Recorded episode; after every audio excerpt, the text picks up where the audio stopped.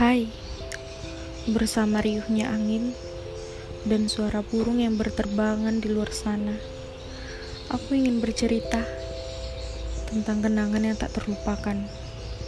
Sejak kepergian sosok manusia yang masih kecil dan tidak tahu apa-apa pada saat itu. Masa kecilku selalu bersamanya. Tepat tujuh tahun lalu. Saat kita berdua belum tahu apa-apa. Saat itu kita hanya suka beli es krim, lalu saling coba. Namun di sana ada sebuah janji yang pernah dibuat, lalu diingkari oleh sang pembuat. Sungguh sedih ketika aku mengingat kembali. Kepergiannya dan perjanjiannya seolah dua hal yang bertolak belakang. Aku kira kita tak akan bertemu lagi.